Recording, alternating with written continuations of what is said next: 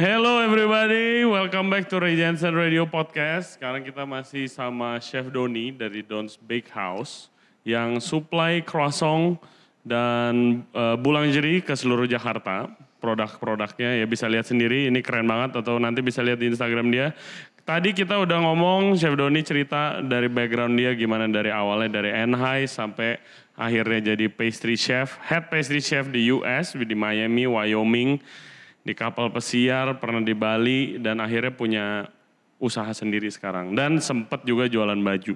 Dan sekarang lu jadi sole owner dari Don Bakehouse.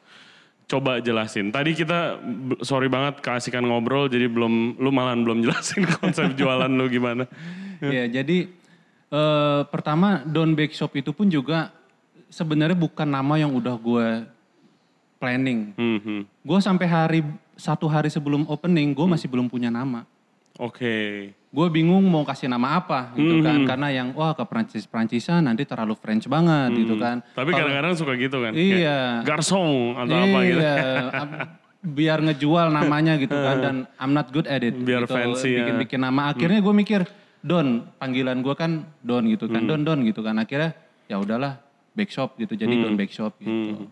Dan interestingly, uh, jadi guys kalau misalnya yang belum nonton episode yang pertama nih, episode yang sebelum ini please nonton dulu. Jadi biarpun produknya keren-keren begini, tapi awal mulanya katanya di booth. Malahan bisa dibilang kayak kedai ya. Gerobak sih. Gerobak, iya. gerobak croissant. The only gerobak croissant in Jakarta.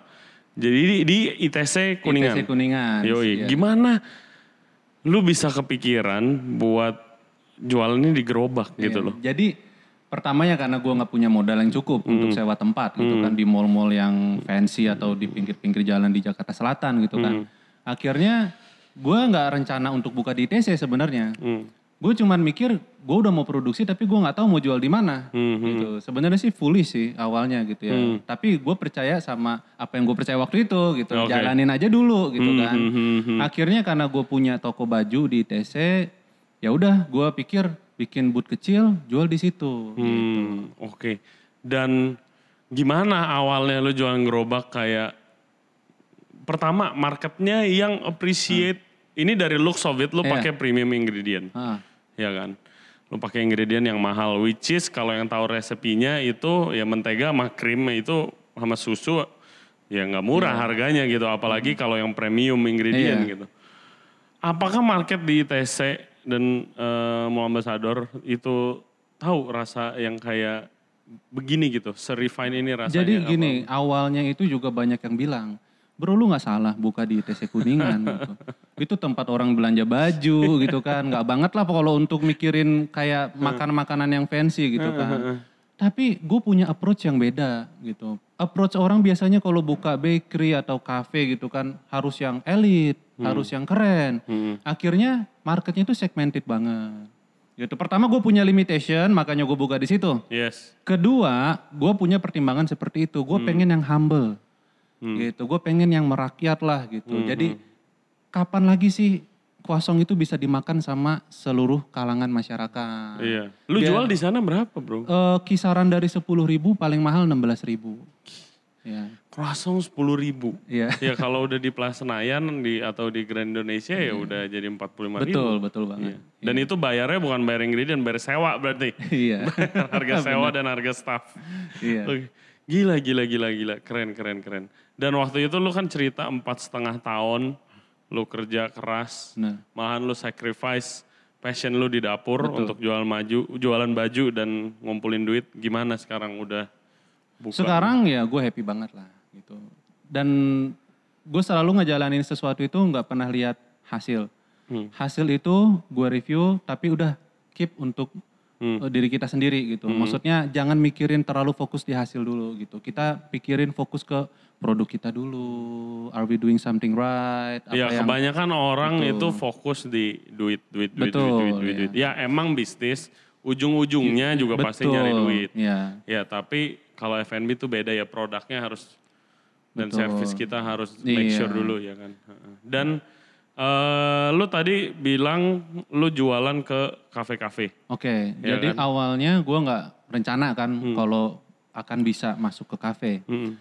akhirnya banyak coffee shop coffee shop owner yang main gitu nggak tahu gue juga bingung mereka nyasar ke ITC gitu kan atau ke gereja tuh di Mall Ambassador ada gereja di lantai iya. 4 tuh banyak banget Hmm. akhirnya Pak bisa nggak eh, supply bantu kita udah dalam satu bulan itu banyak tuh dari yang cuman gue sendiri sama gue punya head baker satu which is ya dia nggak ngeheadin siapa-siapa dia sendiri gitu sama gue berdua.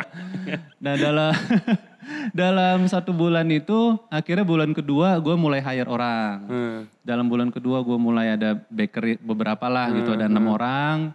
Eh sampai ya gue berkembang berdasarkan demand gitu berdasarkan kebutuhan. Hmm. Eh, begitu udah mulai banyak gue ngelihat kondisi dapur gue juga yang bukan dibikin untuk eh, mass production kan Mm-mm. akhirnya gue bikin tempat lagi central kitchen yang baru Oh. masih proses sih. Oke, oke. Dan kira-kira udah berapa puluh tempat yang ngambil nih kafe-kafe gini nih? Oh, sampai saat ini 40 lah, 40 ya? 40-an ya. Nice bro. Karena banyak juga yang mencoba akhirnya coffee shopnya juga mungkin nggak bertahan apa gimana. Iya waktu gitu. itu ya kan ya tahu sendiri lah guys coffee shop waktu itu Betul. ngebumnya segimana gitu kan. Iya, iya, iya. Berarti ada ada elemen gimana pas juga ya belum momennya ya. Biarpun lu udah sacrifice nih empat setengah tahun nih. Iya. Tapi lu dibuka waktu saat kafe lagi ngeboom. Betul. Gitu ya. Wow, wow, wow, wow. Dan kosong itu kan related banget sama udah pasti. kopi kan Udah gitu. pasti, Jadi gue tanpa promosiin pun hanya hanya promosi di Instagram aja gitu ya. Dan Kadang emang orang butuh juga sih. bener. Dan itu setiap hari pasti ada klien baru yang minta disupport gitu. Nice, nice, nice, nice, nice. Udah berapa lama? Eh, Don Big Shop baru hampir setahun nih Januari ini Oh, setahun. hampir setahun. Oke, oke, oke. Dan lu gimana lu akhirnya buka di sini? Gimana market market Indonesia tentang bakery and boulangerie? Oke, jadi karena gue dari awal memang udah yakin sama sesuatu yang menurut gue waktu itu sebenarnya foolish juga gitu. Tapi gue yakin aja kalau gue punya approach dari bawah, bukan langsung buka di tempat elit gitu. Karena kalau langsung buka di tempat elit dengan harga yang langsung fantastis gitu ya, akhirnya just another bakery kan Mhm. dan nggak bertahan gitu. Iya, Dan gue punya approach beda, gue pengen produk gue ini semua lapisan masyarakat, apalagi yang middle class ke bawah. Oke. Makanya gue nggak mau jual mahal. Itu alasan gue sebenarnya. Hmm. Mungkin ada nih beberapa kompetitor mungkin mikirnya, wah Don Big Shop mau ngancurin market apa Hmm, segala. Nggak ada sih, nggak ada. Gue nggak pernah intention gue tuh yang negatif. Intention Hmm. gue tuh bener-bener, gini deh, orang yang udah suka ke luar negeri, traveling ke mana-mana. Kadang-kadang nih kalau yang duitnya banyak deh, Hmm. ke Europe hanya untuk ngafe gitu. Hanya untuk cari pastry yang lucu, yang enak gitu kan. Hmm. Dan itu sampai sekarang masih jadi problematika orang Indonesia.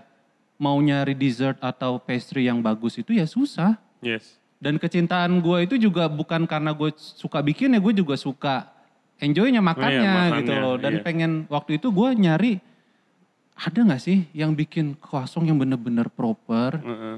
tapi nggak mahal. Itu dia. Iya. Yang proper yang enak sih ya lumayan banyak. Ada lah banyak lah. Tapi ya. harganya itu loh. Betul. Gua tinggal tiga tahun di Prancis di mana gitu gua hampir setiap hari, Betul. setiap pagi gua makan croissant, gua stop Iya. di toko sandwich shop, gua makan croissant dan gua minum cafe latte. Iya. Gitu itu udah standar breakfast lah Iya. kan. It's not a lifestyle, Iya, it's Tapi itu ya kadang setengah euro atau satu Betul, euro. Iya. Nah, Iya gitu. sedangkan itu di negara aslinya. Iya, di Ini negara kita asli. di Asia. Nah. Terus ya mungkin karena juga pelakunya sedikit kali ya. Hmm, Jadi buat pelakunya tuh mereka pikir kayak wah kita harus jual Hmm. mahal gitu untuk Yes, supaya dapat. Hmm. branding, supaya dapat elit-elitnya lah gitu. Dan yang iya lebih gilanya lagi berarti croissant lu ini lebih murah daripada di Prancis. Betul. Gua rasa is the most cheapest croissant in the world kayaknya. It's not even one euro, right? Iya, gila sih, gila, gila, gila, gila. Oke, oke. Tapi ya lu obviously very idealistic person, ya kan? Lu kenapa lu tetap decide buat biasanya nih ya? Iya. Biasanya kayak kalau orang kayak ah gue udah ternyata nggak cukup nih modalnya di booth gini nih, cuma cukup buat buka Betul. booth atau gerobak Iya. gitu. Terus kayak ada dua yang gue mau tanya. Waktu lu udah decide buat gerobak itu, kenapa lu nggak decide buat nurunin cost lu? Mhm. ya kan tahu sendiri lah mungkin pakai Iya. mentega curah misalnya Iya, gitu betul. ya. eh, customer gua nggak Iya. itulah Hmm. belum tahu juga gitu Iya. kan. Or yang sebenarnya dari tadi gue mau nanya itu waktu lu dalam proses empat setengah tahun itu, kenapa lu nggak ngambil investor biar lebih cepat buka? Iya. Kebanyakan kan begitu kan Betul, mau betul. buka sama seperti gua waktu Iya. itu waktu kita decide buat bikin grup, terus habis itu kita mau punya restoran ya kita cari investor Iya. gitu. Oke, terserah dulu, terserah lu mau jawab yang mana dulu. Iya, jadi eh, awalnya masalah kenapa nggak join sama investor atau partner gitu ya. Gue percaya suatu hal yang kita jalanin itu kalau secara organik ya, Hmm. eh, berkembang secara organik, foundationnya itu udah kuat, Hmm. itu nanti ke depannya mau ke mana aja tuh bisa gitu. Hmm. Tapi kalau lu belum apa-apa langsung buka yang boom besar, well bisa jalan juga kalau memang grup lu grup besar banget gitu langsung buka berapa outlet gitu. Tapi gue nggak ke arah sana gitu. Gue ke arah gue obses pengen bikin produk yang bagus Dan yang sesuai standar lu. sesuai dengan Iya. standar gue. Ini bagus menurut gue ya. Mungkin be- mungkin buat customer gue atau beberapa orang yang udah nyobain, oh nggak begitu bagus. Well, it's a apa selera itu kan punya Iya. preference masing-masing gitu kan. Iya nggak mungkin lah kalau udah lihat. Iya kan, karena kan kita nggak bisa mengklaim kayak wah the best atau gimana Ah, ya kan. ah, ah, ah. Karena orang pun menjudge juga mereka punya education di bidang itu atau enggak Hmm, gitu. Kalau lu nggak punya education di bidang itu ya lu juga nggak Iya, capable lagian, untuk lagian menjudge rasa itu. dan makanan itu very subjektif. Betul. Kalau lu emang iya misalnya yang nyobain orang Prancis yang emang udah pakai butter sana yang susunya Iya. baru dipe- diperah gitu loh ya diban- nyobain sini juga ya mungkin biasa aja. Betul, iya. Atau orang yang nggak pernah yang setiap hari makan cuma roti pinggir jalan, roti Iya. warung yang isinya keju tapi bukan keju, coklat tapi bukan coklat. Iya. Dikasih begini mungkin coklatnya adu pahit Iya. gitu kan. Iya Ya, gitu loh. Awal-awal tuh lucu kayak gue pakai coklat tuh dark chocolate European ya. Eh, Terus ada feedback dari customer eh, coffee shop nih bilang, Pak ini coklatnya coklat murah ya. Kenapa emangnya Bu? Kok pahit ya? Oh. Akhirnya gue sempat tuh mikir untuk downgrade, Hmm. tapi nggak nggak di keseluruhan kayak kayak misalkan coklat chipnya Nah, atau yang yang supporting ingredientsnya aja gitu. Yes, yes, yes. Akhirnya gue rubah ke produk lokal gitu kan yang manis. Hmm. Baru mereka bilang, nah ini baru enak. Tapi men gue nggak bisa bohong sama diri gue sendiri Iya, iya, gitu. iya, Akhirnya ya udah, you cannot please everyone in at the Hmm, end of the day kan. Akhirnya ya lu jalanin apa yang lu percaya. Gue rubah lagi semua ke yang ke yang Oh. premium ingredient. Yes, yes, gitu. yes, yes. Kayak contohnya nih, apa bedanya croissant gue sama croissant yang bakery kebanyakan? Hmm. Croissant gue tuh pakai sourdough, pakai levain. As it should be. Iya. Yes. Eh, jadi lebih kompleks. Hmm. Cara bikinnya pertama biasa bi- kalau di mass production atau oh, industri yang udah besar itu biasa satu hari jadi, dua hari jadi. Hmm. Kalau croissant gue tuh it takes four days. Coba dijelaskan Ya. konsep sourdough and levang ini Iya, jadi gini. ke listeners kita. Ya, jadi sourdough itu natural starter. Lu buat dari tepung sama air. Ragi ya. Iya. bilangnya, Ragi. Lu fermentasi deh tuh Hmm. selama tujuh hari. Ini untuk bikin mothernya dulu nih. Setelah tujuh hari sampai 10 hari itu biasanya dia udah develop. Dan lu bisa mulai pakai tuh Hmm, untuk bikin roti sourdough bread atau apa pun lah. Nah di, di Vinoiserie itu perlu banget untuk pakai sourdough. Kenapa Hmm. gue udah research juga, selain gue nabung empat setengah tahun untuk beli alat, gue research juga empat setengah tahun itu gimana produk yang gue pengen itu Hmm. Udah apa pasti, iya. gitu. Dan gue udah trial semua cara, semua metode dari yang shortcut sampai yang bener-bener rumit. hmm. Dan memang nggak ada, there is no shortcut. Oke, Ya. yang lu Lu- found out yang paling oke iya, ya, ini yang tuh. yang ini karena Iya. natural itu kan lu nggak bisa bohongin lah. Hmm. Lu nggak bisa pakai bahan-bahan apa pun itu yang chemical hanya Hmm. untuk meniru-niru. Kalau dibikin kalau di dunia artisan bread tuh banyak bahan-bahan kayak eh, tepung-tepung mix gitu yang Hmm. Iya. supaya mirip Tinggal sama campur sourdough. air, Ya, iya, iya, betul. banyak lah. Hmm. Dan gua nggak mau cara itu, walaupun itu akan lebih saving cost segala macam. Jauh, jauh. Tapi gua nggak mau karena gua mau natural. Wah gila. Gitu. Guys mungkin eh, kalau yang masih bingung nih soal bakery and viennoiserie. Jadi pertama viennoiserie itu di, eh, sedikit beda dari bakery eh, roti. Viennoiserie itu yang kayak croissant, ini pangau cokola atau itu Yang pangau reza kandungan atau yang susunya, dairy-nya Iya. tinggi ya. Hmm, dairy tinggi dan biasanya pun dia pak ada adonan puff pastry juga kan, pakai teknik default. ya. Jadi Iya. digabung lah antara Iya. starter dan uh, puff pastry digabung jadi namanya Vinoseri. Nah ini dia produknya nih kayak croissant Iya. gitu segala macam. Which is itu masih dianggap sebagai bakery lah, boulangerie. Gua dulu di Prancis pernah coba gara-gara gua suka banget makan.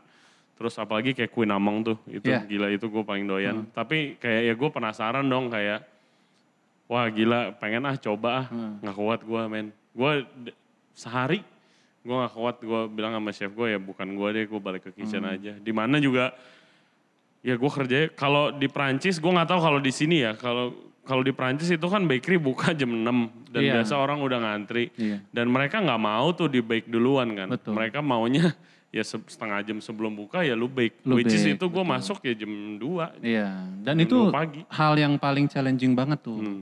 Kayak oke, gue udah udah gue udah nemu produk yang gue pengen bikin, Hmm. terus gimana nih cara jualnya? Karena kosong ini kan harus fresh ya. hmm. Dan di Indonesia itu masih kebanyakan beberapa pelaku bisnisnya lah ya. Itu masih banyak banget yang naruh di chiller, Hmm. which is is totally wrong ya. oh gitu ya Iya. oh Karena ya gini deh kalau bule Prancis ke Indo ngelihat kosong ditaruh di chiller ya mereka nggak akan mau beli gitu. Hmm. Karena mereka akan nanya nih gila nih udah berapa lama gitu. oke Jadi dari segi bisnis side-nya nih itu buat gue challenging banget. Kayak gimana ya lu gue Hmm. pikir pengen- karena di sini panas doang ditaruh di chiller gak sih Enggak. enggak gue pikir Enggak, karena kalau nggak fresh itu beda lah teksturnya udah berubah walaupun lu reheat ya. Hmm. Tapi tetap lah freshness itu kan Iya. nggak bohong ya yes gitu. yes yes Hmm. oke oke Nah tapi gue nggak mau tawar menawar tuh masalah itu. Hmm. Akhirnya apa yang gue jual di outlet gue itu ya gue putusin untuk semuanya freshly baked. wow Jadi tapi kalau nggak habis gimana? Jadinya buang duit dong. hmm. Gue nggak mikir begitu. Gue mikir ya udah daripada gue ngorbanin gue masukin ke chiller. Hmm. Setelah jam 7 gue sell aja. Anggap aja ya lu amal deh ya ya. buat pegawai-pegawai yang biasa makan roti-roti. sell di harga berapa? Betul. Berapa biasa 40 persen kalau udah jam 7 gitu. berarti berapa kalau harganya sebelas ribu Ya kalau kalau ceban aja berarti empat ribu gitu. Tapi biasanya butter tuh pasti habis sih. oke Ya, oke. Jadi gue selalu sold out setiap hari gitu. Jadi gue Nah. jadi nemuin satu cara hmm. yang beda dari kebanyakan gitu. Mi- Misalkan kalau di bakery, wah wastage, wastage. Pasti tuh pelaku bakery selalu, lu belum bikin produk yang bagus, udah mikirin wastage, udah mikirin segala macam. Bikin dulu yang bagus ya kan. Pikirin lagi cara jual segala macam baru deh. Nah akhirnya gue nemuin cara itu ya udah bagus banget gitu. Nah kalau klien gue mau mereka jual ya, which is mereka kan juga bukan, kalau gue kan bener-bener jualan kosong aja. Kalau mereka kan coffee shop, mereka mikirin wastage. Dan Yes. gue selalu sih bilang ke mereka kayak ya usahain rotationnya tuh cepet, jangan sampai karena lu pernah nggak ngalamin lu ke kafe, padahal kafenya fancy banget, tapi kosongnya tuh udah satu minggu atau dua minggu lebih Gua, gitu. gua selalu gue coba untuk avoid sih men karena yang lu Iya, bilang tadi benar. begitu di dalam kulkas lu Iya. nggak tahu itu udah berapa Iya. lama gitu loh dan ya gue pernah juga kena yang ya ini jelas sudah lama banget gitu Iya. loh yang kayak hancur gitu yang kayak gitu Betul. nah. ya gue selalu avoid akhir-akhir Iya. ini kalau untuk croissant ya Iya. gitu kalau gue ya kalau ini enggak lah kalau gitu nanti Makanya gue decide untuk jual harga lebih affordable Hmm. supaya klien gue juga Iya. lebih bebas lah Hmm. gitu untuk kayak nggak takut untuk Oke. jual produk pastry gitu. Nice, nice, nice, nice, nice. Tapi lu tadi kan pastry chef, lu cerita pastry chef, pastry chef, Iya, pastry iya. chef. Tapi bakery Iya. jadinya. Jadi gini, banyak banget nih orang tahu gue, wah Don Bake Shop si Doni bikin kuasong gitu kan. Padahal mereka taunya gue bikin kuasong aja Hmm. gitu. Padahal gue gue basicnya kan pastry Iya. gitu. Semua Iya, gue kerjain dulu Hmm, gitu. Ya tapi gue untuk bis untuk bikin di bisnis, gue rasa belum saatnya untuk langsung bikin dessert gitu. Oke. Karena pertama di Indo itu dessert itu masih apa ya kayak lifestyle banget lah. Iya, dan gimmick Uh, tadi kita bener, sebelum ngomongin ya banyak-banyak kan? gimmicknya. Nah, jadi gue pikir udah deh Hmm. kosong dulu deh nih satu produk, fokus di satu produk tapi bikin yang proper dan bisa diterima sama semua lapisan masyarakat gitu. Dan kayak ya kalau misalnya ya di podcast ini udah pernah ngomongin berapa kali eh, di- khususnya di Jakarta. Iya. Bau- Barang-barang pastry itu benar-benar eh, trendingnya fluktuatif banget gitu. Dan Betul. kayak waktu itu kan ada macaron, ada cronut sempat juga, Betul, ada iya. red velvet, ada rainbow Iya. cake, ada gilirannya masing-masing Iya. tuh gitu kan. Dan ya itu bel- jadi susah banget untuk pastry shop establish yang kayak lu mau gue jualan ini doang tanpa Iya. ngikutin yang lain-lain juga gitu ya. Nah, jadi kayak misalkan lu ke bakery A nih. Hmm. Mereka jual semua, ada cake, ada ada artisan bread, ada semua lah. Tapi mereka signaturenya apa sih? Hmm. Kayak lu ke tempat itu nyari apanya gitu. Nah, gue yang gue pikirin dari awal tuh itu. Hmm. Gue pengen awalnya orang tahu gue itu karena croissantnya. Lu sempet jual croissant telur asin gak? Untuk Lu sempet denger gak croissant telur Jadi asin? sempet banget. Banyak banget itu klien gue yang minta buatin flavor itu ya. Dan gue eh gimana ya? Memang sebenarnya ya lu stupid kalau nggak ikutin demand Betul, gitu kan. betul, betul, betul. Ya tapi again gue nih punya apa ya? Iya, punya cara-cara sendiri lah gitu kayak. Hahaha. Aduh, kalau gue bikin yang rasa-rasa yang begitu Hmm. dari segi bisnis pasti akan ngebus penjualan, tapi dari segi eh ya kayak ya gue chefnya juga, gue Iya. yang bikin gitu Iya, kan. iya. Jadi ya gue decide untuk ya tapi nggak never say never ya. nggak- Iya. apa, Tapi ya nggak- mungkin itu juga lu bisa melakukan itu karena lu gak punya partner. betul. Ya kan mungkin partner lu partner lu yang lain dan biasanya kan Iya. kalau kayak gua nih gue nyari partner pasti yang jago bisnisnya dong, Iya dong, produknya iya. gitu kan biar balance ya dia pasti ya salah satunya croissant telur eh, telur asin itu Iya. pasti minta jual karena waktu itu demandnya sih gila banget sih. Iya masih sih sampai sekarang klien gue juga masih pada penasaran, chef kapan mau bikin Hmm. Croissant. salted yolk, salted yolk, tapi gue gue kayak gue kayak masih iya iya iya iya, gue udah research gitu tapi kayak aduh nggak deh gitu. Hmm. Oke, masih oke. masih di antara sih, coba lihat nanti Jangan aja. bro, jangan, jangan. janganlah, janganlah, udahlah. Iya. Adalah yang idealis ini. Of, idealist, being idealistic works very well for you so far. Ah. So stay that way lah kalau advice dari gua. Oke, tadi kita sempat ngomongin tentang satu kata yang udah eh, lumayan overused nih di Iya, sini udah kayak tire terms. Itu ada dua, eh, ya tiga lah, ketiga kata. Pertama lokal, kedua homemade, ketiga tuh artisan. Iya. Gitu. Do you consider yourself artisan? And first, please explain to our listener and viewer apa sih konsep artisan Ya, sebenarnya? sebenarnya kalau kita lihat dari terminologinya ya, Hmm. kata artisan itu kan whatever you make with hand, Yes. itu lu bisa bilang artisan, nggak mesti harus roti gitu kan. hmm. Tapi kalau kita udah bicara ke artisan bread gitu, Hmm. kita ngomongnya udah artisan bread nih, ya itu harusnya slow, fermentasinya lama. Iya, lu harus ada proses Betul. and no shortcut basically. Betul. Harusnya no shortcut. Lu nggak beli tepung Iya. instan gitu kan Lu misalnya. nggak pakai ragi instan Hmm. karena biasanya identik dengan naturally leavened gitu Ah. kan. Nah, itu yang banyak banget di salah gunain sih karena memang kata-katanya ngejual banget. Hmm. Yoi, gitu. artisan. Ya dulu homemade, gua dulu pernah ada, waktu gua jualan di Bright Spot Market waktu Iya. itu. Gue jualan sama pastry chef juga, basically temen gue Chef Audi Jamil. Dulu, kita jualan waktu yang ngetren aja deh. Iya. Tren makarun, kita jual makarun. Makarun. Tren cronut, kita jual cronut. Tren salted croissant, kita jual salted croissant, Iya. kayak gitu. Terus eh, di sebelah kita buka es krim. Oke. Ya, buka es krim terus tulisannya handmade ice cream. Oke. Handmade and homemade ice cream. Hmm. Terus eh, ya gue gue ketawa kan gue ngakak terus kayak kenapa kenapa? Gue bilang itu handmade and homemade ice cream. Mungkin Gimana? dia ya? pakai tangan. iya gimana caranya gitu? Ya guys mungkin boleh google handmade ice cream maker ada yang diputar gini. Ada, tapi ya lo kalau mau jualan es krim dan gelato pakai itu ya good luck lah gitu. Lo harus punya berapa berapa ratus biji pertama itu karena jadinya dikit dan lo harus pakai es batu ya diputar aja terus kayak seriusan Jadinya es putar sih. Bukan jadi gelato. Terus gue ngobrol sama ownernya dong, gue bilang, "Eh, bro sorry gue mau nanya nih, gue bilang kayak maksudnya handmade ice cream apaan ya gitu. Lu ini, lu bikin pakai tangan, memang gitu. Terus kayak, oh enggak bro, gue pakai mesin gitu. Tapi ya maksudnya gue gue mix ini homemade gitu segala Oke. macam. Gue bilang kayak, "Eh, oh ya udah, mungkin Iya. ya. Terus gue jelasin kan, sorry nih bro, tapi mestinya begini begini begini. Gue bilang Iya. ini bisa kalau misalnya orang yang ngerti lu bisa itu. Iya. Maksud gue baik ya. Iya, iya. Bukannya gue kayak eh lu nggak bisa begini bro gitu. Tapi Dikira haters nanti. iya, tapi dia dia juga akhirnya kayak dia baru baru tahu kayak oh gitu ya. Iya. Men, oh bener juga tuh kata lu mungkin ya terus dia ganti Iya. gitu jadi homemade doang.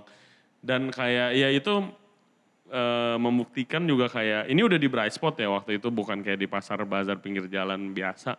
Which is kayak banyak masih yang nggak ngerti Betul. terms-terms itu gitu dan sayangnya ya udah punya bisnis sendiri kalau logikanya kalau misalnya nggak ngerti terms-termsnya apalagi operasional Betul. waktu lu udah kayak gitu kan. Kalau menurut view lu gimana nih kalau misalnya kita udah overuse Jadi gini overuse ya, terms itu kan gitu? bagian dari strategi marketing ya sebenarnya.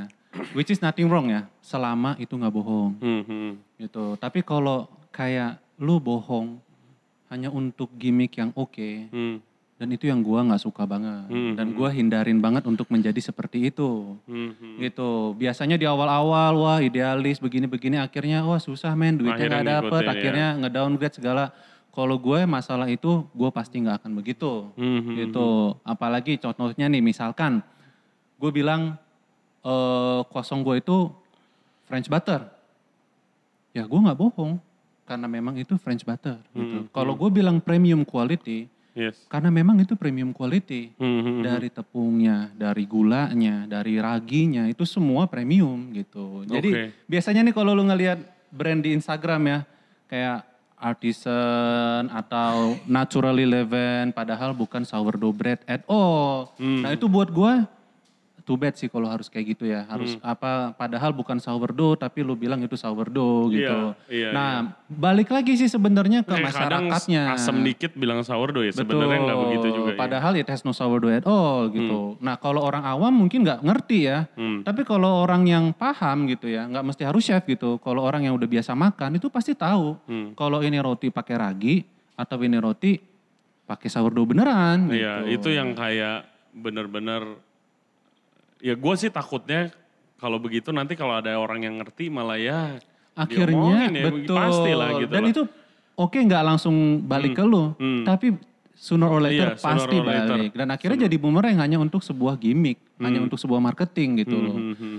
Ya itu yang kalau menurut gua against my apa ya approach lah kalau kayak gitu. Jadi gua nggak nggak istilahnya kalau lu jualan nggak tipu-tipu lah bilang ini padahal bukan, bilang Hmm. itu padahal bukan gitu. Gua buat gue itu nggak banget yang kayak gitu. Dan kalau market bakery sendiri sekarang khusus ya misalnya Venoseri selain lu opportunity-nya sekarang gimana sih? Mungkin ada yang lagi mau eh, coba bikin misalnya atau yang udah jadi pastry chef tapi mau punya nih bakery Iya, shop. benar-benar. Kayak selain opportunity pasti yang paling gede sekarang ya supply Betul. roti karena mau bikin roti itu perlu waktu Betul. ya kan kalau mau enak tuh perlu waktu itunya juga Labornya juga, labornya rada intensif Iya. terus abis itu modalnya besar. Betul. ya kan?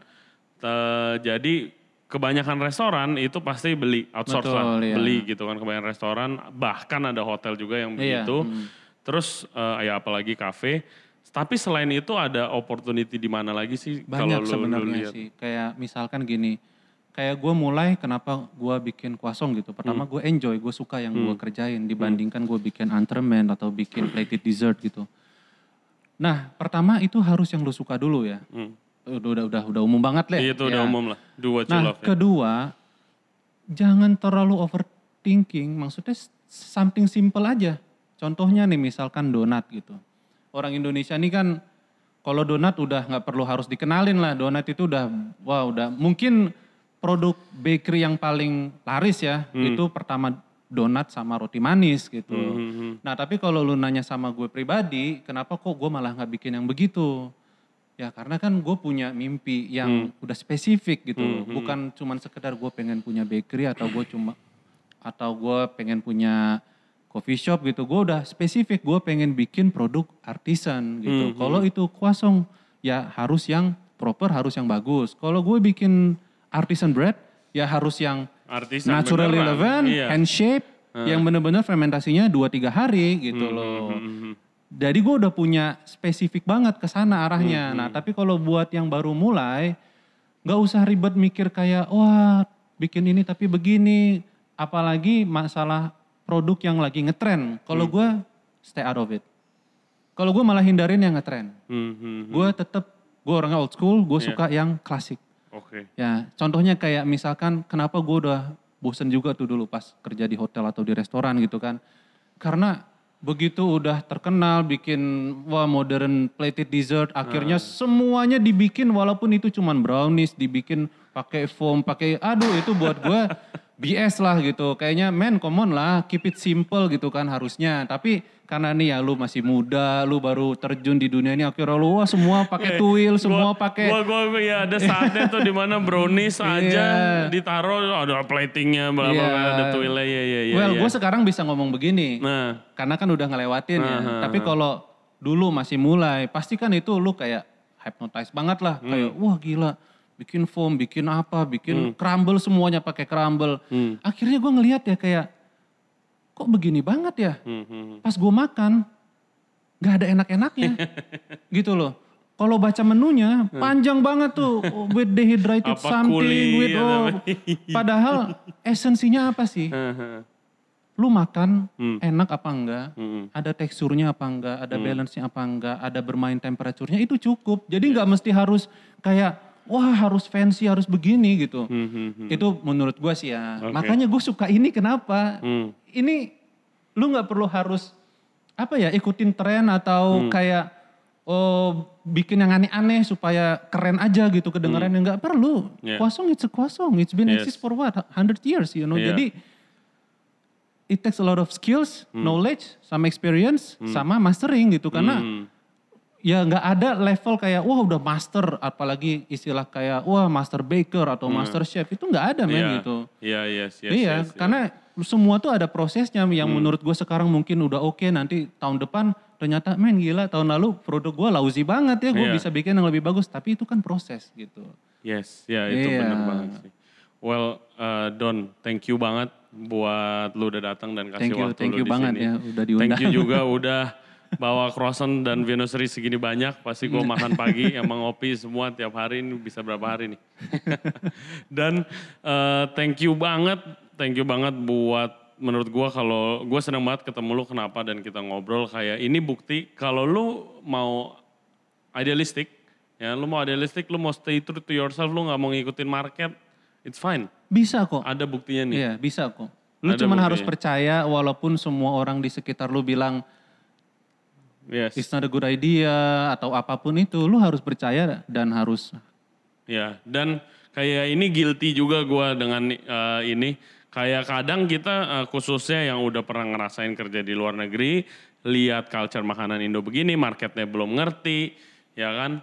Ya, kadang kita bitching terus kayak ya kita harus ngikutin market mulu, Iya, kita harus gini. Ya ternyata enggak guys, Iya. gitu. Ini Chef Doni jadi buktinya di mana dia pakai premium ingredient dan artisan beneran, actually di Naturally Levan dan eh, perlu tiga hari, empat hari, hand shape and everything, which is yang musinya produknya itu jualnya mahal, tapi ini jual di gerobak di TC Kuningan, yang sebenarnya tempat jualan baju bukan jualan kue, dan sukses, semua ada jalannya berarti. benar ya. So thank you banget, Thank, you, bro. banget. Thank you, thank you. Dan guys jangan lupa nonton juga acara kita sebelumnya bisa lebih ngerti lagi. Nanti untuk description kue-kuenya itu nanti akan kita taruh di eh, description section di bawah sini. Jangan lupa follow Regency Radio Podcast di Instagram dan like and subscribe di channel kita. Dan juga Regency Radio itu selain ada di YouTube, kita ada di Spotify, Apple Podcast, Google Podcast, dan Anchor App. Jadi bisa sambil nyetir dengerin siapa tahu bisa belajar sesuatu yang baru. Semoga menginspirasi ya. Yes, Instagramnya Chef Doni Ya, Doni Muhadi, dan Don Bake Shop. Don Bake Shop. Yoi, jadi jangan lupa kalau mau makan croissant murah, mungkin paling murah di Jakarta dengan kalau dibandingin sama kualitinya ya itu gue yakin paling murah. Thank you. Dan jangan lupa kalau yang mau buka kafe untuk restorannya nggak perlu invest puluhan juta di dough sheeter dan di mix di mixer.